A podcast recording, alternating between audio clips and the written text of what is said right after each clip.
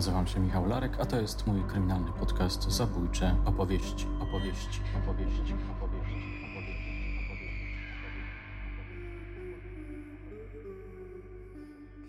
Ten pan nawiązał taki kontakt e, z tą dziewczynką, no klasycznie, jakby działo się tak, jak się miało dziać, w cudzysłowie oczywiście. No pan e, stopniowo, stopniowo zdobywał zaufanie, wprowadzał coraz więcej jakichś takich treści seksualnych, to dziecko pisywało, dzwoniło, pokazywało się na kamerce, pokazywało swoje zdjęcia, takie, o które on prosił.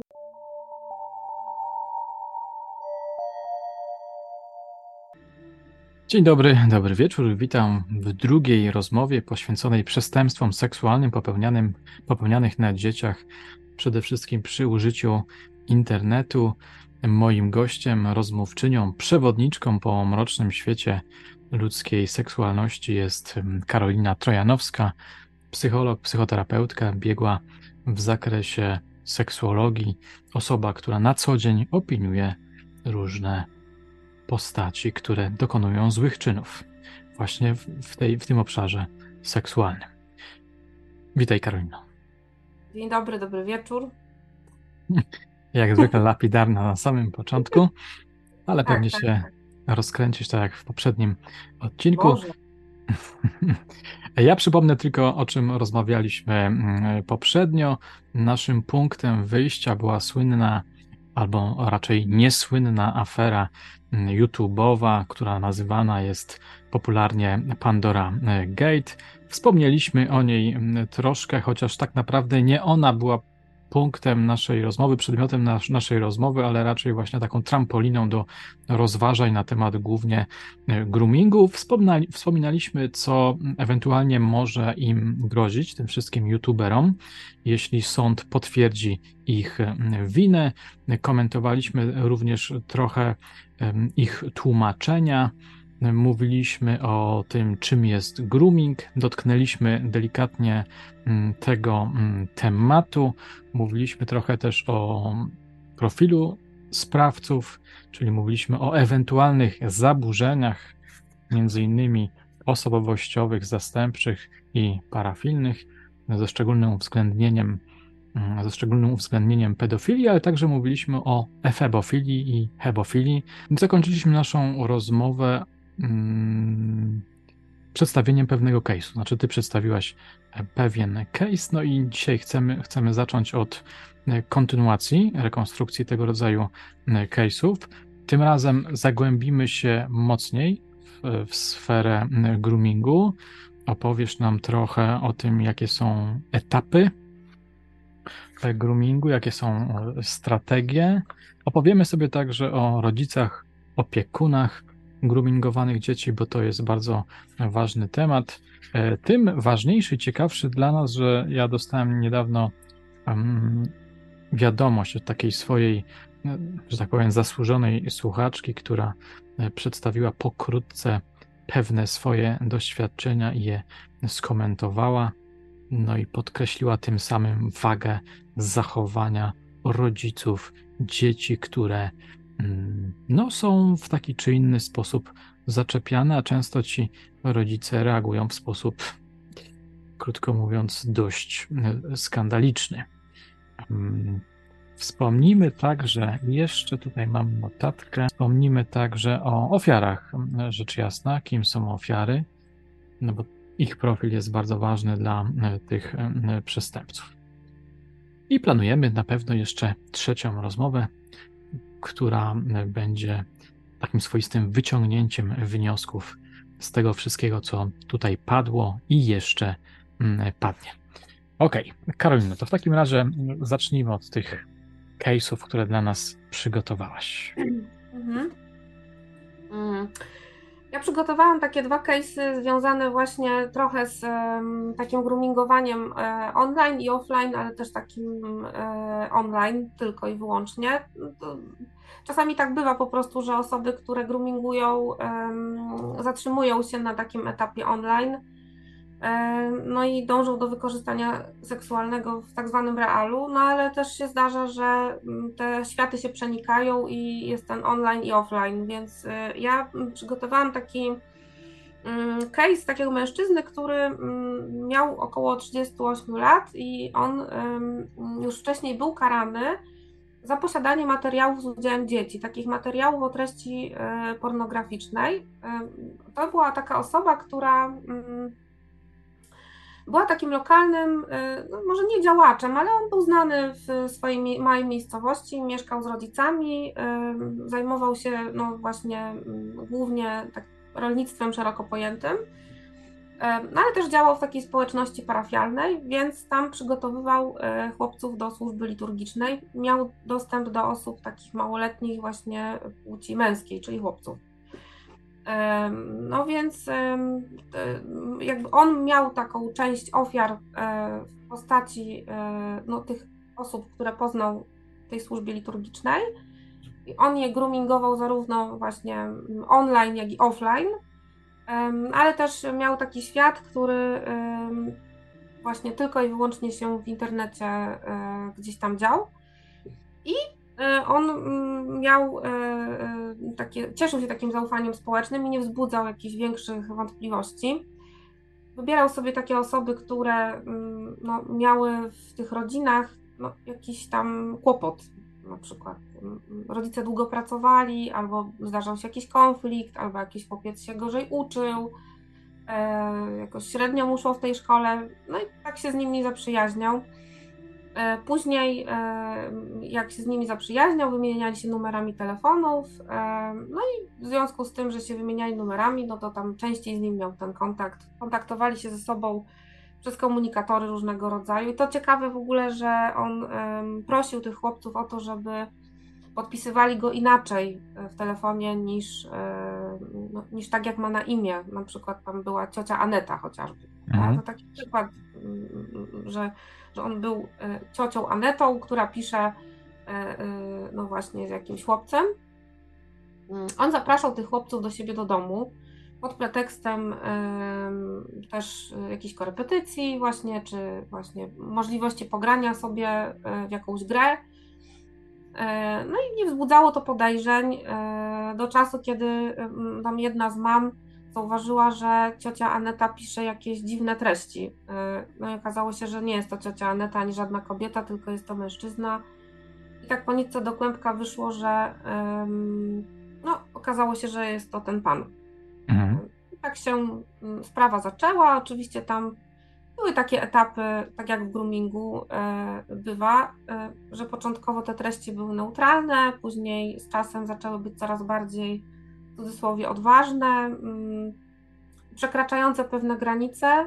E, ta osoba, e, ten mężczyzna, tak też w cudzysłowie oczywiście, dbał o tych chłopców, e, codziennie miał jakieś rytuały, jakoś witał ich, żegnał mm, przez SMS-y chociażby, przez wiadomości.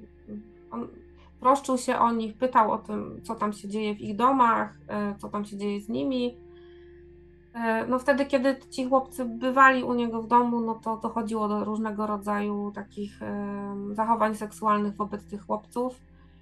Mm, no i e, no, niestety nikt z dorosłych też nie zwrócił wtedy na to uwagi. Mhm. to, to, to, było, to było tragiczne. Ale też w międzyczasie na to wyglądało, że te osoby, które równocześnie były w relacji z tym człowiekiem takiej realnej, no nie odpowiadały do końca, znaczy nie nie odpowiadały mu do końca, co było mu mało tego. Więc groomingował jeszcze w internecie te osoby, mm, który, z którymi się nie spotykał, ale od których pozyskiwał różnego rodzaju materiały, tam filmy, zdjęcia, treści, jakieś SMS-y, wiadomości. Mm, także, także tych ofiar było bardzo dużo i w takiej realności. Przynajmniej wiem, wiemy o tym, e, że co najmniej 3 lub 4 osoby tam były w realności, a poza tą realnością, e, czyli to też jest realność, tak? Internet też jest realnością, ale w, w takiej fizycznej realności. Tak, w tak zwanym internecie no, było też ich trochę. Więc tak się to toczyło. Mm. I tak faktycznie się działo, że e, ten pan e, no, miał jednak kłopot, żeby się powstrzymać. On wcześniej miał, tak jak już powiedziałam, wyrok mm, za posiadanie takich treści. No i nie powstrzymał się, nie, nie, nie był w stanie się powstrzymać, on no, y, działał dalej.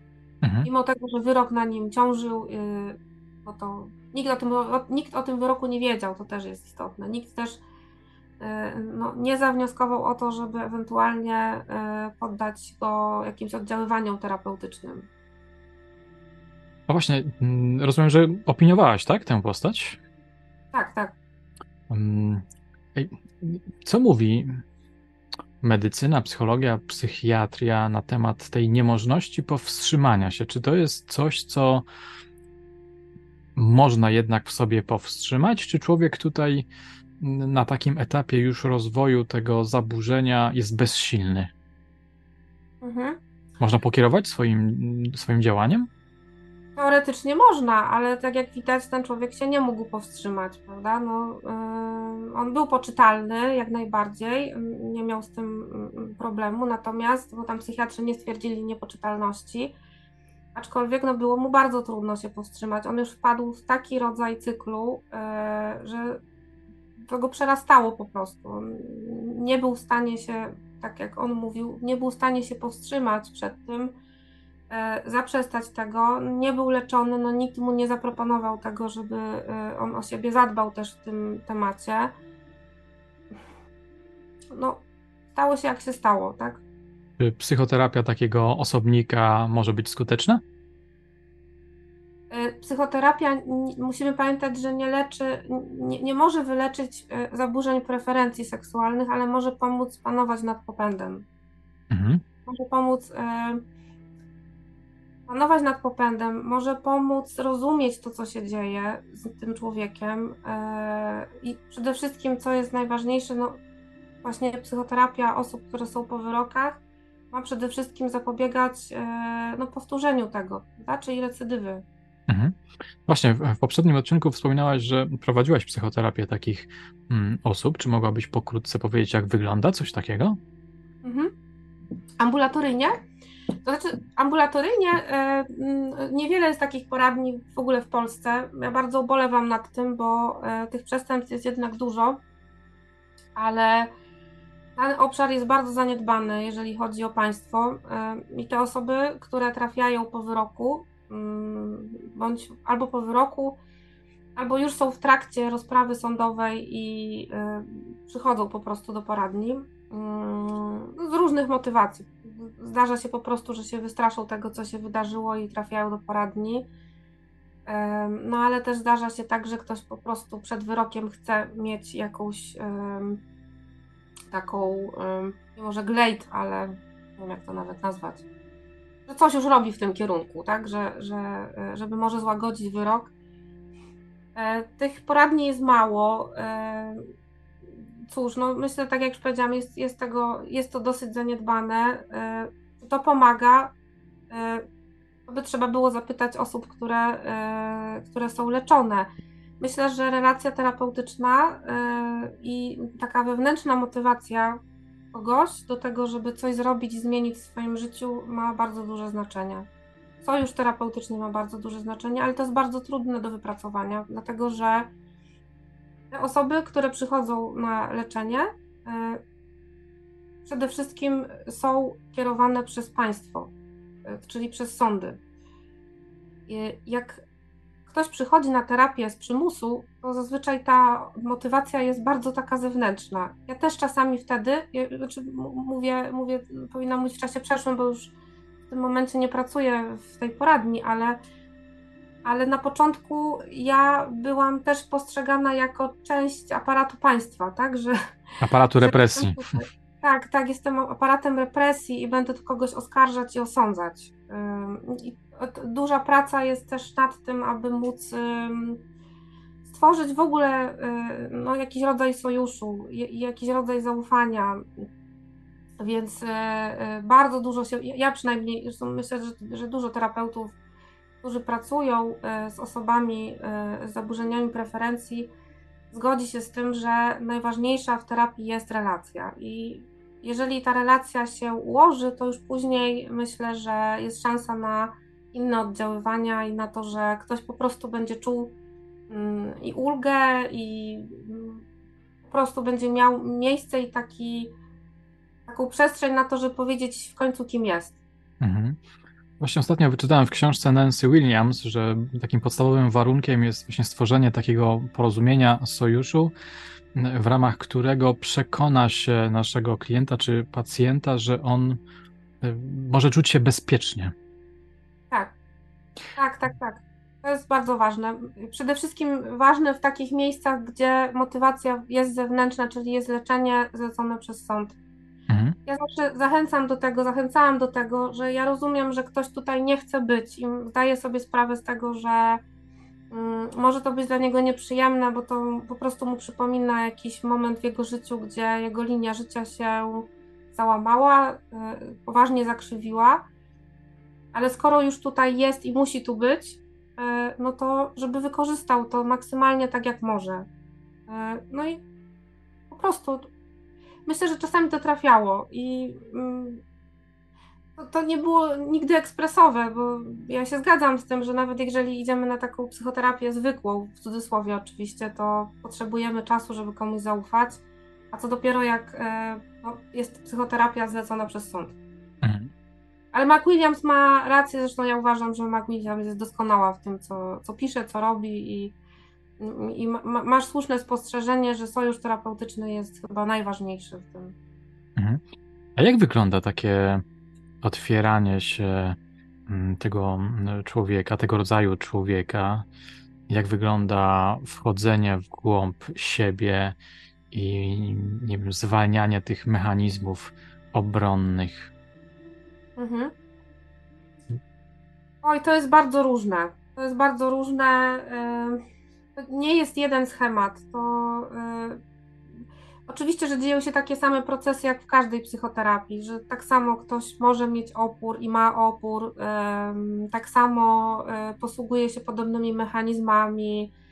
Dodatkowo, jeżeli mówimy o czynach, no to też się zdarzają przecież różnego rodzaju takie zniekształcenia poznawcze to jest bardzo różne. To nie ma jednego, e, jednego schematu. To zależy od e, też struktury osobowości. Jeżeli struktura osobowości jest tak dość dojrzała, mm, w cudzysłowie, bo nie chcę się posługiwać taką nomenklaturą, ale jeżeli ten człowiek jest dość dojrzały emocjonalnie i ten sojusz terapeutyczny jest e, nawiązywany, no to myślę, że idzie to szybciej ale jeżeli chodzi o osoby takie w takiej strukturze osobowości, na przykład borderline, jak są takie y, przypadki, y, no to jest bardzo ciężkie.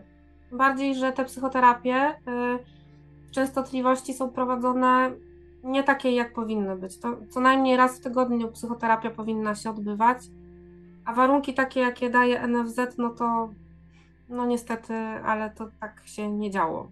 Mhm. Więc to było bardzo utrudnione. To, to, to, tak, czasami mi to przypominało takie syzyfowe prace, i, ale mimo wszystko niejednokrotnie to przynosiło skutek pozytywny. To nie mówię, że to było tylko negatywne. Czasami lepsze jest to niż nic.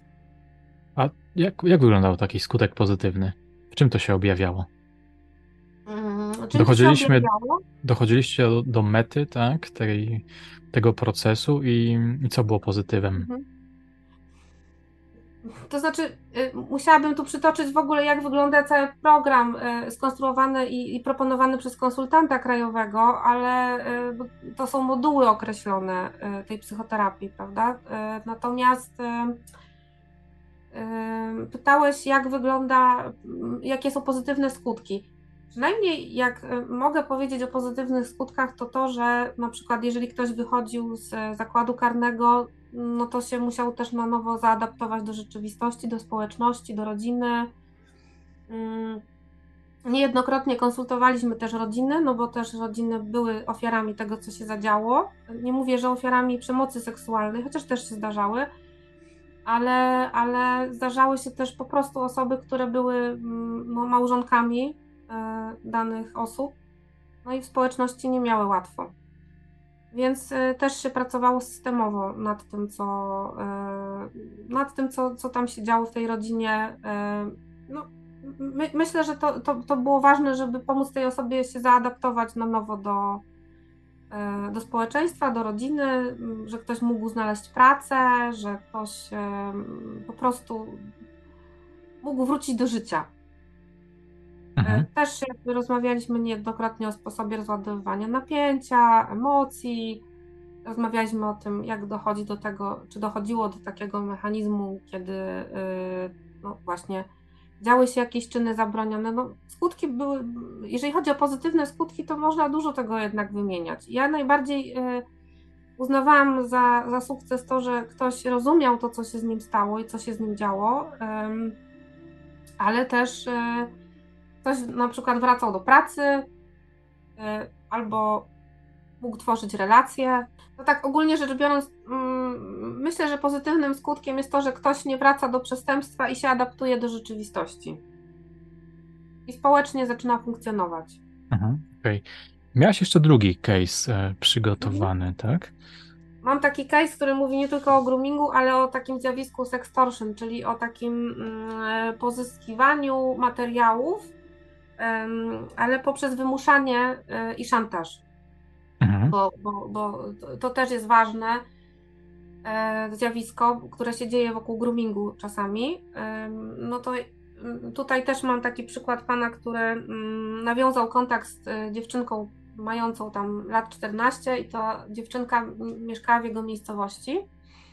Mm, I ona e, z kolei miała jakąś trudną sytuację w domu, dużo przebywała poza domem, dużo przebywała w internecie, E, znaczy korzystała z internetu. Mm, tam też e, ta trudna sytuacja rodzinna e, wiązała się z konfliktem rodziców, no ale też jakby z, nie mówię, że z ubóstwem, ale z jakąś trudną sytuacją materialną. Ten pan nawiązał taki kontakt z tą dziewczynką, no klasycznie, jakby mm, działo się tak, jak się miało dziać, w cudzysłowie oczywiście i no, pan y, stopniowo, stopniowo zdobywał zaufanie, wprowadzał coraz więcej jakichś takich treści seksualnych.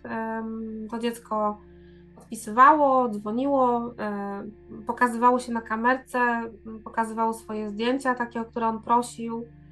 Mm, on, on się podawał za młodszego niż jest, ale mimo wszystko mówił, że jest dorosłym mężczyzną. Y, I, i, i to jest taki też, to, to, będzie można mm, uznać za punkt taki wyjściowy, dlaczego niektórzy sprawcy mówią, że mają mniej niż w rzeczywistości, ale nie mówią, że są w tym samym wieku. To powiemy o tym, jak będziemy mówić o tych mhm. bazach groomingu. Mm. Ten pan się spotkał kilka razy z tą dziewczynką. Tam robił jakieś jej zakupy, kupował jakieś ubrania, rzeczy. E, w trakcie jednych z tych spotkań doszło do, do, do jakiegoś zbliżenia seksualnego. Później to dziecko nie chciało się na to już godzić, już wyczuło, że coś jest bardzo nie tak i że nie chce w tym uczestniczyć, no to wtedy pan zaczął ją straszyć, że to, co ona wysyłała, e, trafi do, e, no właśnie, do jej rodziny, do rówieśników, jeżeli ona się nie zgodzi na współżycie, albo jak mu tam nie będzie wysyłać więcej takich zdjęć. E, także tak, to jest właśnie to sextortion właśnie. To jest to, że ktoś wymusza e, mm, no, jakieś czynności seksualne, czy wymusza więcej zdjęć e, w okay. tak podstępny i podły sposób.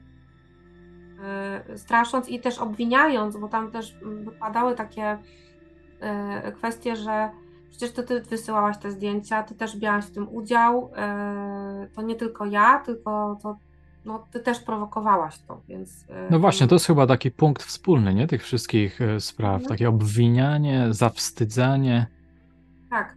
tych tak, dzieci. Bo, tak, bo te dzieci czują się wmatnione, jak nie mają e, takich obiektów, do których mogą e, się zwrócić, no to komu mają wierzyć, do kogo mają się zwrócić, no są same w tym. E, dorosły człowiek też niejednokrotnie pada taką ofiarą tak zwanego sextortion, bo, bo, bo takie rzeczy się zdarzają. To, to, to jest w ogóle jakby temat na inną e, e, pogadankę, na inną rozmowę. Ale dorosły człowiek już prędzej pójdzie na policję niż nastolatek czy dziecko.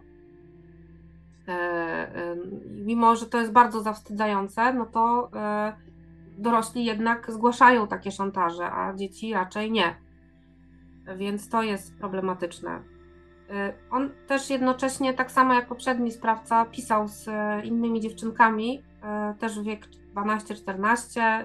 Pod, bardzo podobny mechanizm, tam te relacje trwały, relacje trwały przez internet um, jakoś 2-3 miesiące. Też właśnie były różnego rodzaju rytuały, y, no aż do takiego momentu wykorzystania seksualnego w postaci takiej, że te dziewczynki robiły sobie zdjęcia, y, filmiki. No i właśnie y, trafiało to do niego. Jak one zaprzestawały, no to właśnie szantażował. Mówił, że tam znajdzie je jakoś, że poinformuje o tym, co one tam robiły. Także to taki klasyczny szantaż emocjonalny, taka przemoc, manipulacja, bardzo brutalna. Mhm. Tak. Także jak mówimy tutaj o tym, no to, to jest taki case, który też otwiera mm, taką dyskusję, skąd się w ogóle biorą e, materiały z dziećmi. Bo, no, bo to musimy pamiętać, że materiały z dziećmi to nie są produkowane tylko przez jakieś kartele, e, że dzieci nie są porywane i wykorzystywane tylko i wyłącznie, tylko takie materiały są właśnie też z takich e, źródeł, że ktoś pozyskał od dziecka dany materiał, dane zdjęcie, dany film i wymienia się nim, tak? Traktuje go, traktuje ten film, ten materiał jako no, jakąś kartę przetargową, jako coś, co jest jakimś punktem mm, wymiany. Te zdjęcia krążą, filmy krążą E, no niestety właśnie się tak dzieje. I czasami te materiały trafiają e, no, nie, przez rodziców niejednokrotnie. Nie, nie tylko przez e, ofiary groomingu te materiały produkują, ale zdarza się, że rodzice no właśnie stosując tak zwany sharenting, czyli to, że udostępniają jakieś swoje, no nie swoje, ale swoich dzieci zdjęcia tam z nocników. A no właśnie, to jest wstrząsające dla mnie. No mhm. właśnie i to jest, y, nikt się nad tym nie zastanawia, e, nikt nie mm, pyta tego dziecka o podmiotowość. Ono się staje e, jakąś treścią w internecie, którą sobie można pobrać i można z tym sobie zrobić co chcesz. To jest takie podkarmianie pedofilii, prawda? Udostępnianie tego rodzaju zdjęć. Mhm. No też, też. To ludzie z różnych motywacji ściągają takie zdjęcia.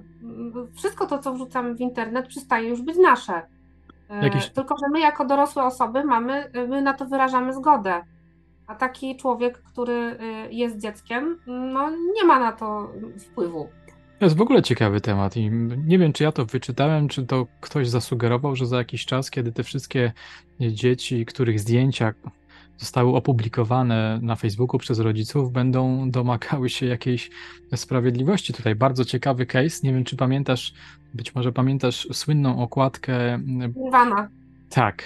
Mhm, tak, no, tak, tak. I tak. tam jest y, niemowlę nagie w jakimś tam mhm. zbiorniku wodnym i ten ktoś, kto dzisiaj jest dorosłym, zdaje się, że wytoczył proces. Tak. Tak, tak, coś było takiego. Ja sobie przypominam taki case. No, cóż, no domaga się swoich praw. Nikt go nie zapytał o zgodę. No, nikt, no, może nie ma ochoty na to, żeby świat na niego patrzył, jak tam jest w zbiorniku wodnym jakimś tam, czy właśnie w basenie i sobie płynie za jakimś pieniądzem nago. No, rozumiem tak. z drugiej strony, no bo nie wyraził na to zgody. A jeszcze chciałem zapytać, zanim przejdziemy do mm, rekonstruowania tego procesu, jakim jest e, grooming, mhm. jak dzieci na to reagują? Mm, jak czy one mają wrażenie, że robią coś niewłaściwego, czy raczej pozbawione są tej świadomości?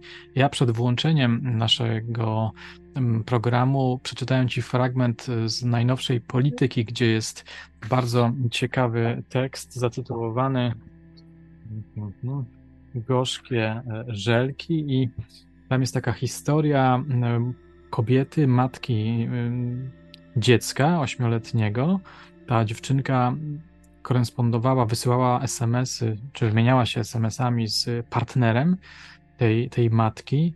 No i on tam pisał takie dość y, złe rzeczy z, podte z podtekstem seksualnym, już nie będę wchodził mm, w szczegóły. I ta dziewczynka nazywała go tatusiem, zresztą chyba za jego jakby y, sugestią i zgadzała się na wszystko i też jakby zgadzała się nawet na takie rzeczy, które są już elementem stosunku seksualnego. I mhm, mhm. sprawiała wrażenie kogoś, kto, kto robi to z, nie, z nieprzymuszonej woli. Mhm. Więc jestem ciekawy, jak z twoich, swojego doświadczenia jak, jak, co wynika z Twojego doświadczenia? Czy dzieci mają jakąś świadomość, że to jest coś złego, coś niewłaściwego, są zawstydzone, czy raczej na samym początku zgadzają się na wszystko, przyjmując to, zakładając, że to jest coś normalnego? Mhm, mhm. No, dorośli tworzą dzieciom świat i dorośli tworzą dzieciom normy. To by trzeba było każdego dziecka zapytać raczej, co, co czuło, czy co czuje. Natomiast no, sądzę, że ten dorosły świat y, jakoś wcześniej przygotowywał i seksualizował to dziecko, y, skoro dochodziło do jakichś takich czynów. Y, nie wiem, co tam się działo, jak tam to wyglądało, nie czytałam tego. Natomiast można powiedzieć to, że jeżeli dziecko ufa swojemu opiekunowi, e, no to jest w stanie wiele rzeczy zrobić, nawet jeżeli czuje, że to jest nie okej. Okay. No, no, w tej sytuacji jest... działy się takie rzeczy, jak na przykład, nie wiem, no, y, kazanie dziecku zlizywać e, żelki z ciała i matki i, mhm. i tego partnera. Dziecko miało się przyglądać stosunkom seksualnym mhm. Y, swoich opiekunów, więc takie rzeczy, no, no już straszliwe w sumie. Mhm cóż, nawet jeśli dziecko może czuć dyskomfort, no to jeżeli uznawane jest to za normę, e, bo to się dzieje w jego domu, no to dom jest jego punktem odniesienia, no trudno się wypowiedzieć. No to, trudno się wypowiedzieć, co, być może, że to dziecko czuje dyskomfort, tak? Być może, że każdy z nas by czuł dyskomfort, e, że coś jest nie tak, albo że coś jest nie okej, okay, ale jeżeli e, nikt na to nie zwraca uwagi i nikt się do tego nie odnosi krytycznie, nikt nas nie chroni przed tym, to zaczynamy to może z czasem uznawać za coś, co jest normalne. Jest taka uwaga, że dziecko zrobi wszystko, żeby, czy prawie wszystko, żeby przypodobać się rodzicom, opiekunom, żeby ich jakoś tam zadowolić. No, no. To, to, to, jest bardzo smutne w tym wszystkim, że e, no jest, jesteśmy jako dorośli takim punktem odniesienia i takim lustrem. No, to jest bardzo przykre.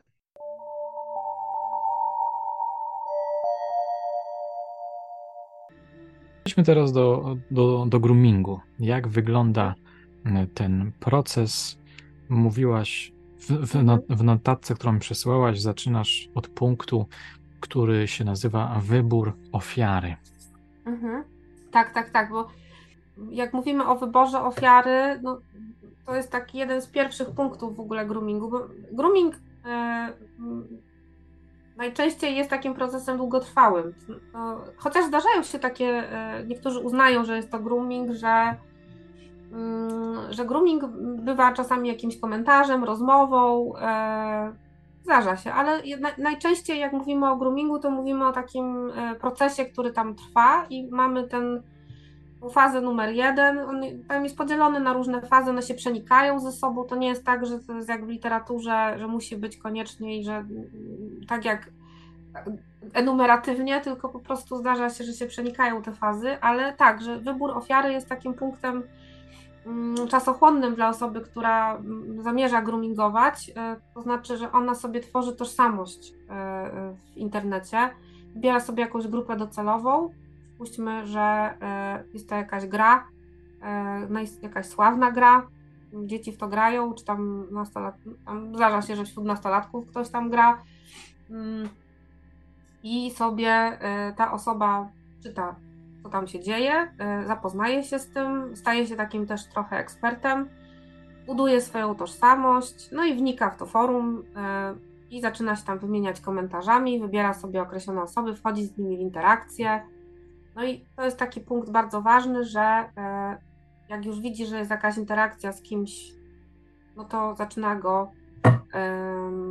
zapraszać do takiego już prywatnego świata, czyli że tam przez te komunikatory zaczynają ze sobą rozmawiać, już nie na forum, tylko właśnie przez komunikatory.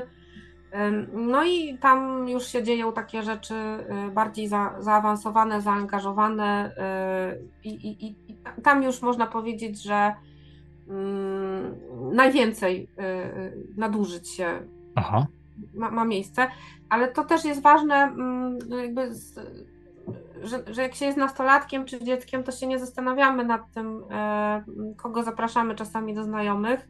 Mhm. Chyba, że ta osoba, która sobie stworzyła tą tożsamość w internecie, no już wcześniej pozapraszała osoby w podobnym wieku. Więc to jest takie kryterium trochę uwierzytelniania, czyli że jak nastolatek widzi, czy nastolatka widzi, że, czy tam dziecko widzi, że o, widzę, że wśród znajomych ma osoby w podobnym wieku do mnie, no to chyba jest okej. Okay. Mhm. No i to jest taki element e, uwierzytelniania i takiego uzyskiwania punktów w zaufaniu. Więc tak się zdarza, że, że e, no właśnie, że ta osoba ma wśród znajomych jakieś dzieci albo nastolatków. To chciałem co? nawiązać do tego, co powiedziałaś wcześniej o tym wieku, sygnalizując, tak. że do tego wrócimy. Czyli taka osoba z zaburzeniami parafilnymi podaje się za osobę starszą, obniża wiek, ale nigdy nie mówi o tym, że jest jej rówieśnikiem. Raczej nie mówi, że. Znaczy, zdarza się, znaczy może tak, zdarza się, że osoba, która groominguje, podaje się za rówieśnika. Tak, Aha. zdarza się, że podaje za rówieśnika, ale y, też jest istotne to, że ta osoba y, no tak bada y, rzeczywistość tego dziecka czy tego nastolatka jeżeli widzi, że tam na przykład e, no, dzieje się coś w systemie rodzinnym nie okej, okay, e, no to mm, podaje się za osobę, która jest może nie całkowicie w jej wieku, ale jest młodsza. E, no, nie ma 40 na przykład, ale ma 20 parę lat. Mm. Jednak chce być opiekunem, podaje ten większy wiek. Tak, tak chce być takim opiekunem, chce autorytetem. być autorytetem, kimś, kto zwraca na uwagę na to dziecko, kto jakoś chce zastąpić. E, zastąpić, tak, tak, tak, tak. Zgadza się. Także tak to wygląda i po to, to, po to się to dzieje właśnie. Okej, okay, e, rozumiem. Mhm. I, i, I to jest jakiś taki punkt, który mm, no, różnicuje czasami te osoby. E, więc e, jak już te osoby są w kontakcie, to zaczyna się zacieśniać ta wieś i zaczyna się taki etap zaprzyjaźniania się, takiego zadzierzgnięcia, można powiedzieć, że E, pojawiały się takie codzienne rytuały, mm, ktoś się tam wita, żegna na koniec dnia, e, pyta o różne rzeczy, staje się takim, no właśnie, mm, powiernikiem tajemnic, e, kimś, kto się interesuje, kimś, kto jakoś się troszczy, pyta o takie mm, przyziemne rzeczy, ale też nie tylko o przyziemne, pyta o przyjaźnie, o relacje. Mm, możliwe też, że w ogóle w tym etapie się pojawiają jakieś prezenty. Dawniej, mm, nie wiem jak teraz, ale raczej teraz się z tym nie spotykam, ale dawniej bywało tak, że sprawca przysyłał e, telefon ofierze. Bywało tak, że, że, że przysyłał telefon Aha. ofierze, żeby można było się skontaktować, żeby nikt tej wyjątkowej przyjaźni nie mm, zerwał. Tak jak zniknie komputer na przykład. Taka, taki, taki tajemny kontakt komunikacyjny, skrzynka tak, kontaktowa. Tak, tak, tak, tak, tak, zgadza się. Mhm. Więc e, e, no teraz to są różne, też się zdarzają prezenty. No niektórzy tam doładowują dzieciom e, jakieś no, właśnie gry czy aplikacje. Zdarza się tak. Zdarzają się jakieś drobne prezenty.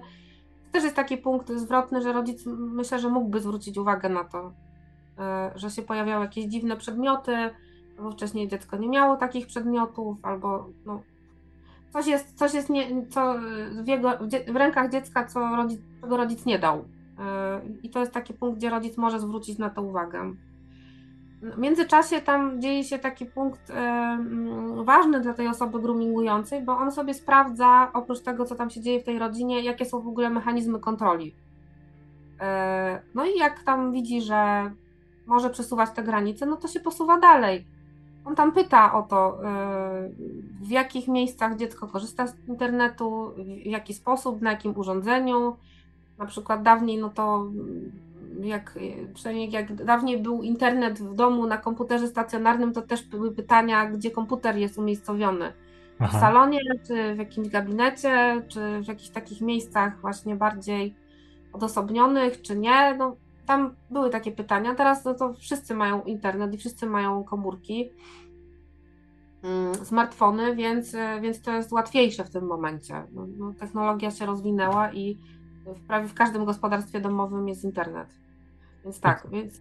Rozwój technologii też zmienia trochę e, ten proces groomingowania. Tak, tak, tak. On go przyspiesza, myślę. Przyspiesza, ubogaca.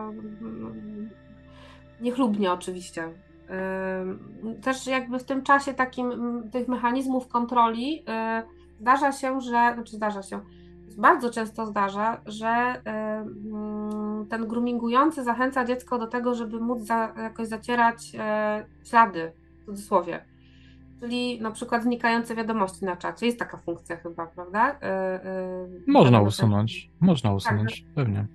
Ale można usunąć, ale ja się spotkałam z tym, wiesz, że um, można sobie ustawić tryb znikających wiadomości. A, okej. Okay.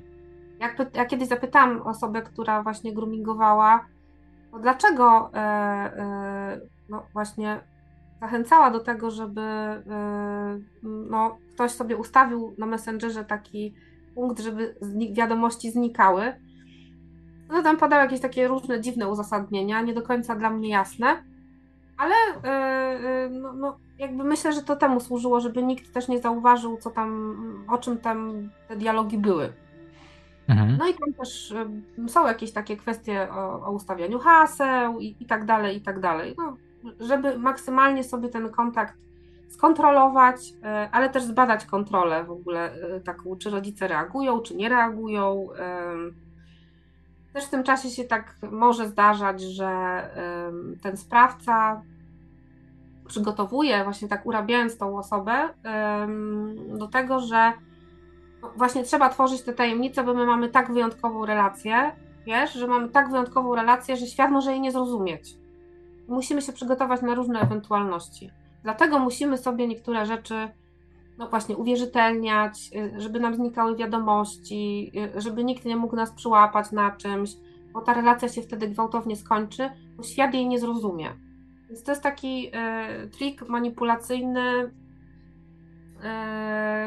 i, i, i faktycznie to działa. Mhm.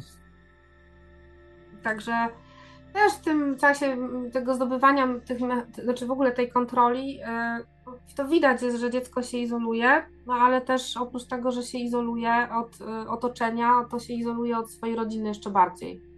Zdarza się, że tam sprawca na przykład dyskredytuje rodzinę i mówi, że rodzina się tobą nie interesuje, tak jak ja, E, ty nie interesujesz ich, rodzice mają swoje, w ogóle czy twoi najbliżsi mają swoje jakieś światy, ty w tym świecie nie istniejesz. No, takie manipulacje, e, ale na, dla, dla dziecka, które jest w potrzebie, e, no to są treści, które ono przyjmuje. Rozumiem, że kiedy już ta kontrola jest zabezpieczona, mhm. dochodzi do przekroczenia granicy i wprowadza się już tematykę seksualną. Powoli, powoli, tak, to dzieje się y, powoli. Na początku to są takie treści bardziej neutralne. Y, no, tam ktoś pyta o dojrzewanie, o wygląd ciała, o jakieś pierwsze doświadczenia seksualne. No, takie wydawałoby się, że tak jak sobie rozmawiają rówieśnicy czasami, prawda? że sobie tam eksplorują wzajemnie te światy i sobie opowiadają różne rzeczy. I z czasem no już tam te treści są coraz bardziej takie zaawansowane i takie, można powiedzieć, przekraczające granice tego dziecka. Mm, no i tam bywa tak, że ten sprawca, mm, no właśnie, demonstruje, czyli na przykład przesyła jakieś e, materiały pornograficzne, jeżeli mówimy na przykład o dzieciach, tak? No to przesyła materiały pornograficzne e, z udziałem dzieci, dorosłego i dziecka, mówiąc, że no to jest normalne, tak? To jest normalne, to co między nami jest, czy co się może wydarzy kiedyś, to, to jest naturalne e, i to, to tak zazwyczaj się dzieje, że dorośli tak wprowadzają w ten świat dzieci. Mm, I to jest taki element pewnej no, mm, demonstracji, próby takiego odwrażliwienia na takie treści, E, takiego, no cały czas mówię o tym urabianiu, no ale to jest urabianie, no bo to jest praca taka mozolna, można powiedzieć. Mm, no i tam stopniowo też te dzieci wysyłają jakieś swoje zdjęcia, e, wysyłają swoje filmiki, są instruowane, co one mają w tych filmikach robić, albo co na tych zdjęciach mają robić. Także tak, to, y, y, to, to już jest i zdarza się, że na tym grooming się zatrzymuje. Znaczy, że y, to, to już jest wykorzystanie seksualne że dziecko zaczyna mm, wysyłać swoje, swoje intymne zdjęcia. Zdarza się, że ktoś dąży do spotkania z tym dzieckiem i do wykorzystania seksualnego w takiej realności. To, to też. A jaki to jest Ale procent? Też... Jaki jest procent ludzi, którzy dążą do spotkania i potem. To jest nie do, to, to jest nie do oszacowania. To jest nie do oszacowania, bo po prostu my nie jesteśmy w stanie oszacować po prostu jak, ile jest ofiar groomingu, ile jest groomingujących, to co trafia do mnie, czy to co w ogóle trafia mm, na rozprawy sądowe, to jest, ja podejrzewam, że to jest po prostu wierzchołek góry lodowej. Tego jest naprawdę dużo. Moglibyśmy się, jak rozumiem, moglibyśmy się zdziwić, gdybyśmy, gdyby udało się poznać prawdziwe liczby. Chyba nigdy nie poznamy. Myślę, no, nie poznamy. Tak, ale. Nie poznamy tego, to jest niemożliwe. Myślę, że to jest, to jest tak przykre, ale to jest nieosiągalne. To jest tak ciemna liczba, nie, nie jesteśmy w stanie. Chodzi mi o to, że wtedy, wtedy moglibyśmy się przekonać, jak ten świat jest przeżarty tym brudem seksualnym.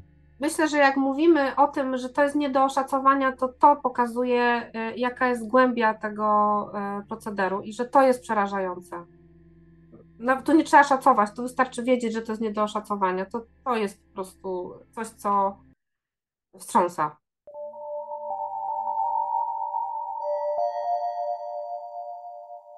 Właśnie, a kim są rodzice, opiekunowie ludzi groomingujących? Czy można ich jakoś scharakteryzować? Groomingowanych.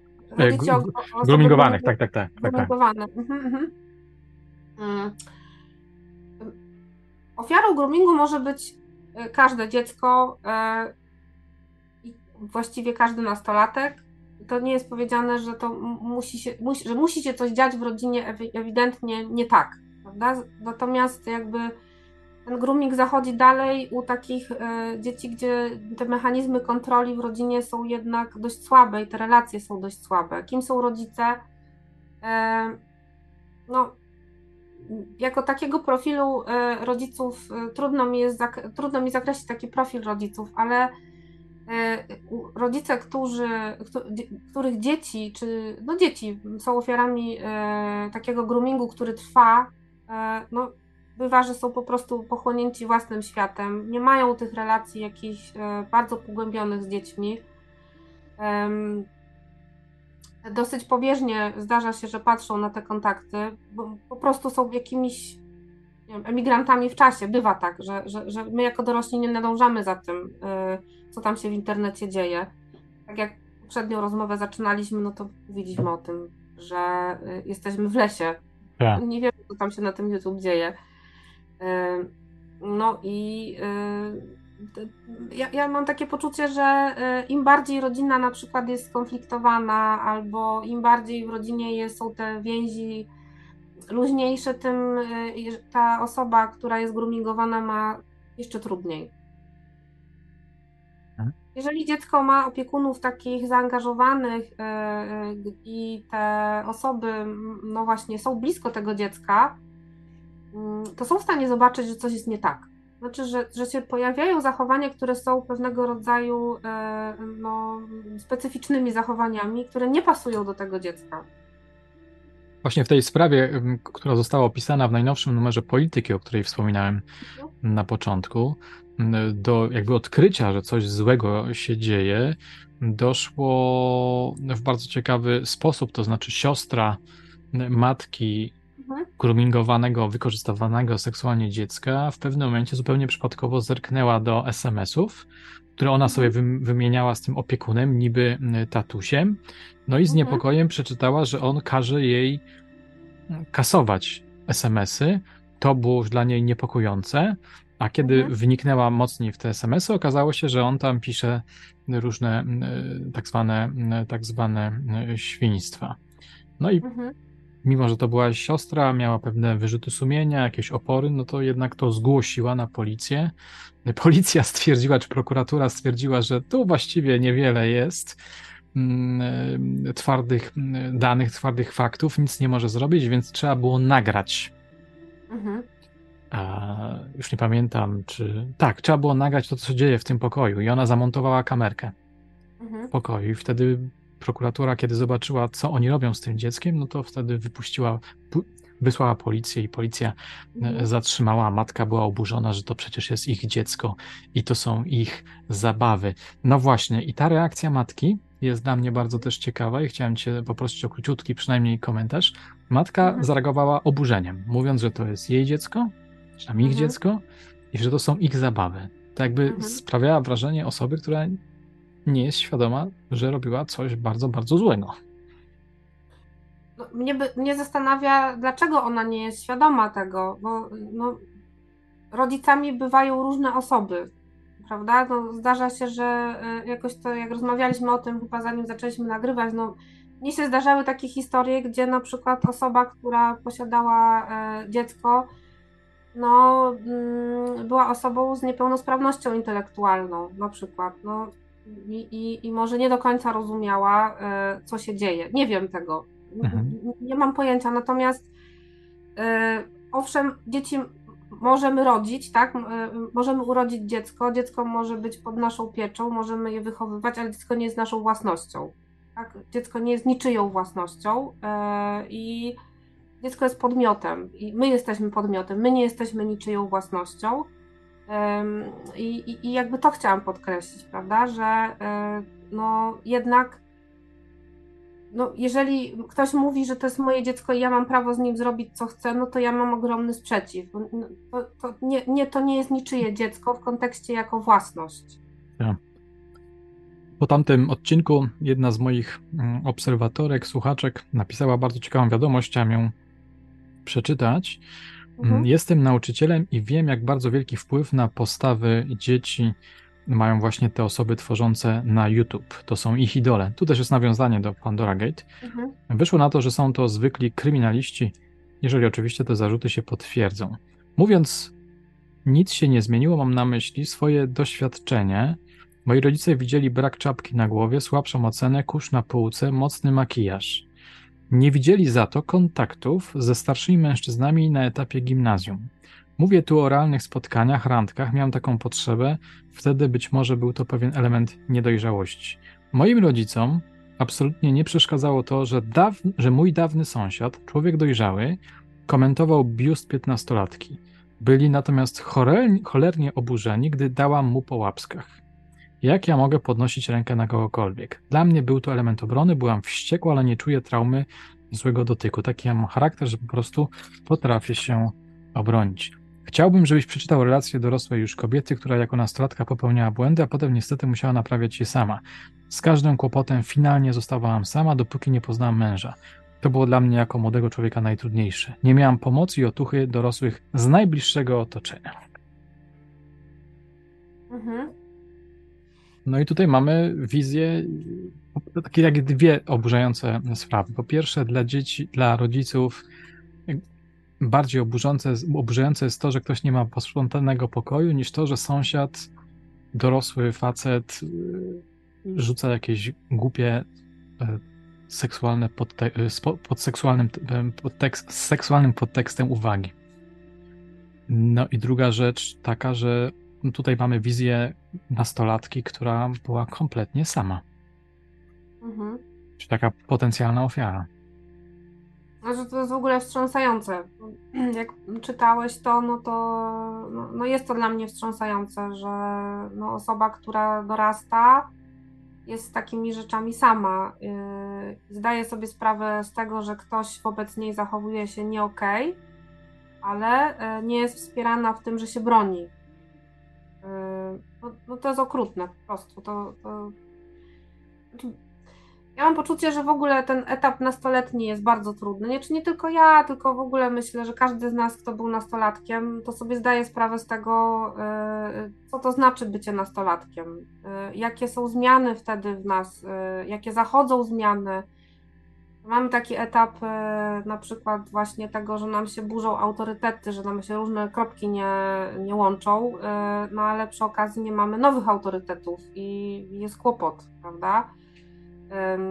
i, i czujemy taką dojmującą samotność. E, nie, nie wszyscy pewnie, prawda? Natomiast e, zdarza się faktycznie, że ludzie czują, czują samotność i czują się totalnie zagubieni. A jak dostają komentarze od rodziców, które są niewspierające i nie, nie jakoś edukujące, nie, tak, nie, nie są takie bliskie i, i, i serdeczne chociażby, no to, no cóż, no to jest przykre, tak? Ja, ja mam poczucie też takiego, no właśnie, zrzucania winy na ofiarę też, e, że się ma dobrze cały czas u nas. E, e, że, że ja też czasami, jak czytałam właśnie komentarze osób, które, mm, osób, które pisały o tych ofiarach tych panów, jeżeli tam doszło do tych czynów, tak, z, z YouTube'a, mhm. to właśnie, że, że, że te dziewczyny same wysyłały zdjęcia, albo że one się same prosiły o to, no to są jednak mimo wszystko dzieci, tak? Jakby rozumiem, że e, obwinianie ofiar się ma bardzo dobrze w świecie e, i niestety ma się bardzo dobrze w świecie i to jest dla mnie wstrząsające. Też na poziomie nie tylko społecznym, ale tak jak widać e, na poziomie takiej e, komórki, jaką jest rodzina. To jest bardzo przykre. Właśnie. Mm, kim są ofiary? Mhm. Czyli wychodzi na to, że to są często osamotnione młode osoby, mające poluzowany albo bardzo zły kontakt ze swoimi opiekunami, mm, mhm. rodzicami. Co jeszcze o nich można by powiedzieć? Mhm tak, taki, tak statystycznie najczęściej ofiarami groomingu to są osoby, które y, no, mają właśnie słabe, poluzowane więzi w rodzinie, y, mają kłopot taki w tym, żeby móc się do kogoś zbliżyć, zwierzyć, nie mają takiego obiektu, któremu mogłyby zaufać.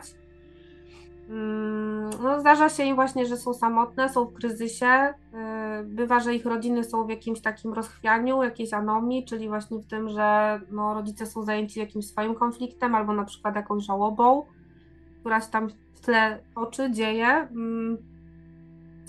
To są osoby, które mają kłopot z asertywnością.